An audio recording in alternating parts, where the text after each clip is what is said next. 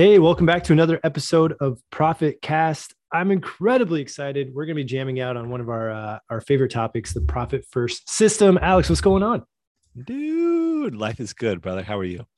I'm doing great, man. We were just nerding out on uh, some marketing stuff uh, right before this call. As always, you guys know that we talk about a lot of stuff here, mainly about keeping your money, but obviously we run a business. So we talk about earning uh, income, increasing your income. We, we deal with how do you keep more of it then, and then ultimately, how do you grow the money that you're keeping? And you know, so again, we we state what our purpose and our mission here is. We know a lot of business owners who are great at making money. We know far less who are great at keeping money, and our job is to make it be that there are just as many that keep as much money as they make uh, as the amount who are good at making and earning money. So we've gone through our own personal journeys with that. That's why we do this and excited on Profit Cast. And one of the things that's been incredibly instrumental for us, Alex, is this little book that we once read and we referred to by our dear friend Christine, who runs a really great business called Profit First, man. I've always wanted to do this episode where we do a review on Profit First and like your take, but we'll save the deeper one. We've only got like 14 minutes. So, Alex, what have you been seeing this week? We, we, uh, and why is Profit First important to us and how we help people? Dude, I'll dive into that for a second. I have to share, and I think this needs to be an episode maybe next week. So we're just about to close on our construction loan for our house, which I'm so excited about. Still don't know if it's actually going to happen or not, but in the next week we'll know. I, I can't wait to share that. Um, but dude, we got to have an episode on what it's like buying a house as an entrepreneur because it's it's been a wild process. There's so much that I didn't know before, so we we'll have to do an episode on that. It's That's going to be an Alex stuff. Solo uh, podcast adventure. I'll I'll be oh tuning in. Goodness, it's going to be like a ten part, ten hour series because you're going to have to questions I don't even know should be asked. you have to ask yourself and then answer in that podcast. It's wild, man. The amount of documentation that you need to prove that you make money is insane. But uh, let's do talk about this whole profit first thing because this has actually really helped us in that whole flow of like, oh, we actually are making money, or gosh, we had a lean month. I had a question from a client this week who uh, it's the beginning of the month, and with Profit First, the way you do it, you've got multiple bank accounts, right? If you're not familiar with it, it's kind of like the Dave Ramsey envelope system, except more digital and for your business. And so you create these different accounts instead of having five. We have people do four accounts and one of our clients who's brand new to setting this up had uh, what's called your operating expenses account, where all the money kind of comes out. And he was like, dude, it's almost empty. What do I do? And I was like, it's okay, man. Calm it down. Uh, let's just go move some money around. And so I wanted to talk today about kind of the realities of profit first and how, how you actually use it. We'll go into like a deeper dive on another episode. But the question that I got was ultimately, hey, my operating expenses account is nearly empty what do I do? So, what do you do if you're using profit first and one of your accounts is like almost negative? Well, dude, the first thing is just recognize that the money in your business is still your money. Like either way, it doesn't matter what account it's in, it's still your money. And profit first is just designed to split your money up into different buckets, right? And so the first thing is to not freak out. And that's what I told our client, like, dude, you're you're totally fine. We just got to move some money around and you'll be good and so operating expenses is you know where all, all, your credit card stuff is coming out of or debit card if you're using that payroll right all, all the expenses for the business and client was about to do payroll and they're like oh crap it's, it's almost going to be empty so it's like oh well what about your growth account do you still have money in there uh, they, they call it the profit account and profit first i think that's super confusing uh, we call it growth and he's like, "Oh yeah, dude, I, I got I got plenty sitting in there." It's like, "Cool, man. Just make a little transfer, move it on over." And he's like, "Is that okay? Can I do that?" And this is the bigger lesson for this week, y'all. Can you do that? Yeah, of mm. course. Like your business is uh it's your money. You get to move things around how you want. Now, does the government sometimes step in and be like, hey, if you pay yourself, then there's some tax things going on? Like, yeah, maybe, but at the end of the day, you got to remember that the the money in the business, like, dude, it's, it's your money as the business owner. You get to decide how you use it. The business doesn't really decide. You do. You're the owner and the business is just a vehicle for wealth growth and, and, and you get to decide that so that was it it was an interesting reminder today of like hey you know what? Sometimes we freak out about money if it's not in one place but it's in others. It's like it, it's all kind of the same. Y'all we're just moving it from one pocket to another. Yeah. I look i mean i've been there. I get it. Like you there's this this feeling of like uh, I don't know why we set up these different accounts. And I want to ask you real quick, Alex, about the behavioral side of that, why it's important is that you, you know, I remember thinking like, just crazy stuff you make up. And, and, you know, if you're an experienced business owner watching this, maybe you've already gone through this phase or you've read enough ahead of time, but we just, we see this over and over and over again. I mean, there's crazy things that we not crazy, but things you might believe that aren't true. Like I remember when I first started, like if I move from one account to the other, is that a taxable event? Just moving the money from one account to another, just because I I didn't know, right? And so then my default was just don't do anything, just don't do anything. And you know, it was great. I felt secure that it was all in one place, but uh, ultimately it didn't really help me manage it better. And it was just because I, I I didn't know, and I know that might be a silly example, but uh, we've certainly heard crazier things where you you you know you just have these thoughts or someone told you something once and you know you kind of you know there's like old wives tales about money i think that go around people believe in. But alex why is it uh, important do you think your your personal experience or, or your what you've seen why is it important from a behavior standpoint to set up these four accounts? Why not just like yeah, it's a lot of work man you have to call your bank you gotta hey can you open these accounts uh, why go through all that uh, is there a reason to do that versus just say, I don't know, manually manage it all inside of one account? Yeah. Dude, uh, you asked an interesting question because you said, well, what's the like behavioral side of that? Right. And I think there's some, I guess, system side of it to like, hey, it makes it easier to look at the money when it's split out into different accounts. But I think from a behavior standpoint, that's a really interesting way to put it. I, I haven't thought of this before. If if you don't have that set up, then behaviorally, you're just kind of saying, well, I'm just going to default to having lots of money in one account and I'll just kind of default to like it, we're just not being intentional about anything in that way. It's just like I'm just going to let it all sit in there. And versus if we have sort of the profit first methodology set up where it's like, hey, I've got some different bank buckets, then we're really intentional about saving and we're intentional about telling money where to go instead of it just like, hey, money, be in there. And if you leave, I don't care because I don't really know how much I have anyway. And so so i think it's a behavior of in being intentional in your business and telling money what to do rather than just letting whatever happen with it. And so like taxes for example when we do our our monthly financial flow every month and we say hey how much do we need to save for taxes? We're intentional about setting aside our money for taxes. And we just know it's there.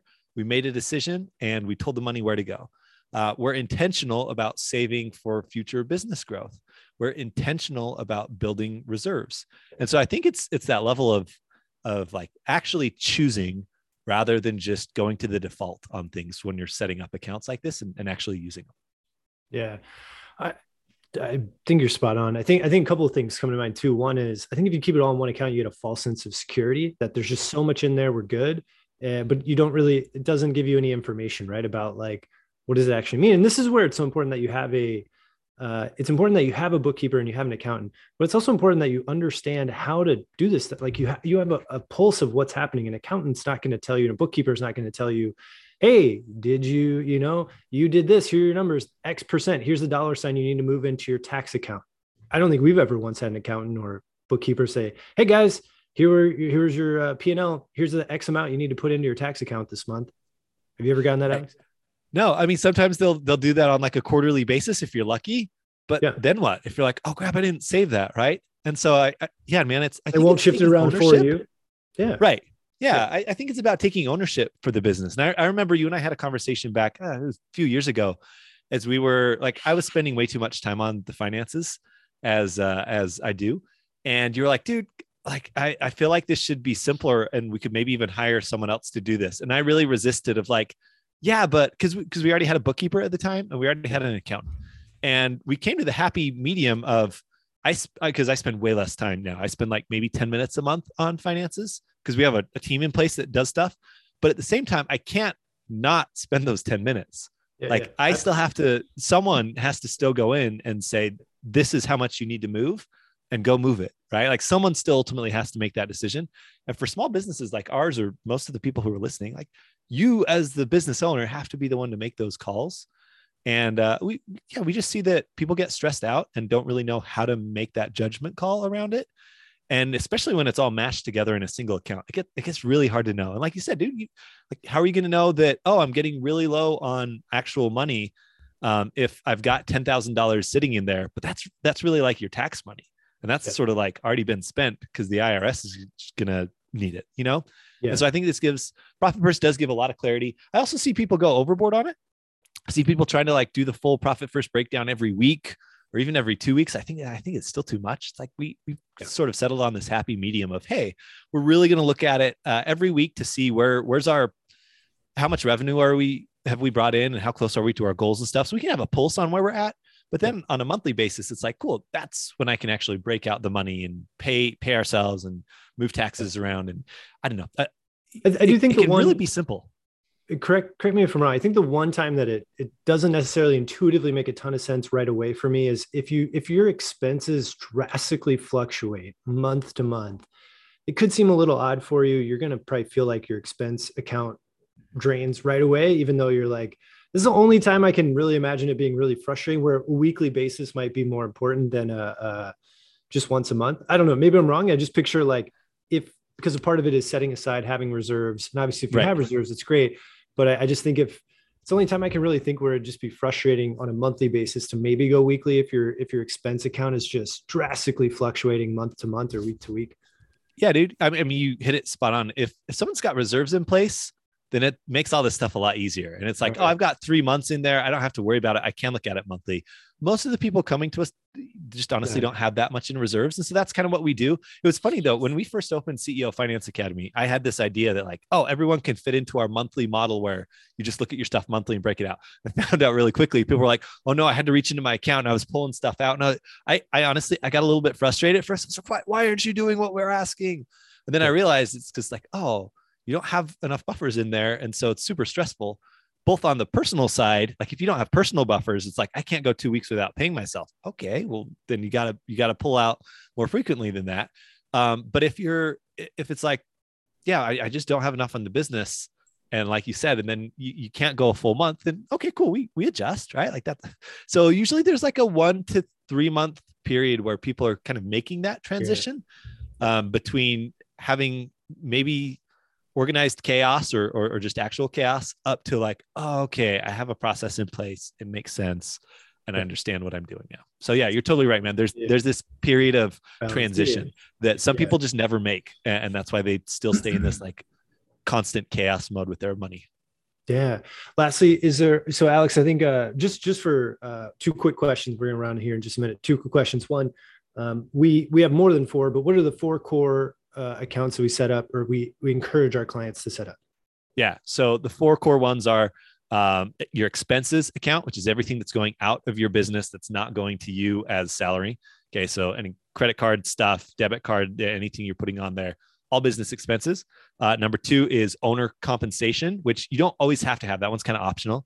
Um, revenue, which is all the money coming into your business.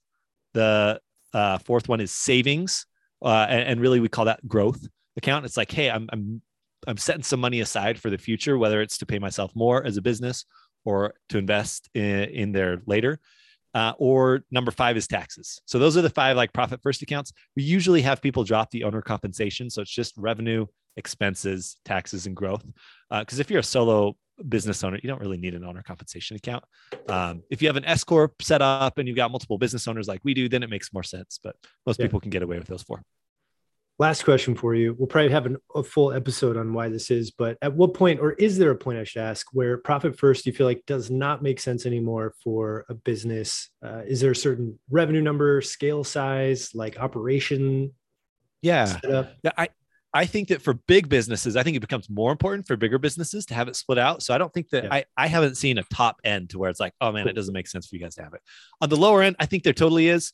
Um, you know, if you're only pulling in a thousand bucks a month, it's like, hey, dude, d- go spend time on marketing and sales. You don't need to spend time on all the system stuff. So we usually don't have people start on this stuff until they're making um, a- a- like a six figure run rate. So around 8K a month is where it's like, hey, it really makes sense. I, I do think for someone who's maybe in the three to 5K range, it, it might make sense to start setting that up. But It's good any, habit. any right? before into that, good habit. yeah, right. Yeah, and I think the that's habit. the big thing is like, hey, can you establish good habits for yourself and, and be intentional with your money? And some people are really against profit first. We'll talk about like, what do you do if you absolutely don't want to do the profit first? You can kind of do it in a spreadsheet. The more important thing is about being intentional with your money, realizing that, hey, moving it from one pocket to another is not the end of the world. That's that's really all we're doing with profit first. And ultimately, if things go awry in your business, that's why we have reserves in the first place. And if you don't have reserves, like cool, set that as the next target for what you want to start building up towards. Perfect. Guys, I hope this has been helpful. Uh, if you're running a business and you're doing under six figures, uh, you know, take what Alex said to heart as uh, Adam Rundle from uh, uh, oh, why am I Clever blanking? Profits. Uh, Clever Profits said, uh, don't worry about a tax problem if you don't make enough money to have a tax problem, right? So go make more money if you need to. Go go get your marketing and sales up. Uh, once you're you know close to that six figure run rate, eight thousand a month or more usually, uh, then it's super important that you have this set aside that you've you've set up uh, you know profit first that you've got something in that if that's you and you need help with that feel free to shoot us uh, uh, book a call with us a free 15 minute phone call ceofinanceacademy.com forward slash profit dash call uh, would love to speak with you alex thanks so much for helping us break down profit first on this episode. We'll see you next week. Thanks guys. Cool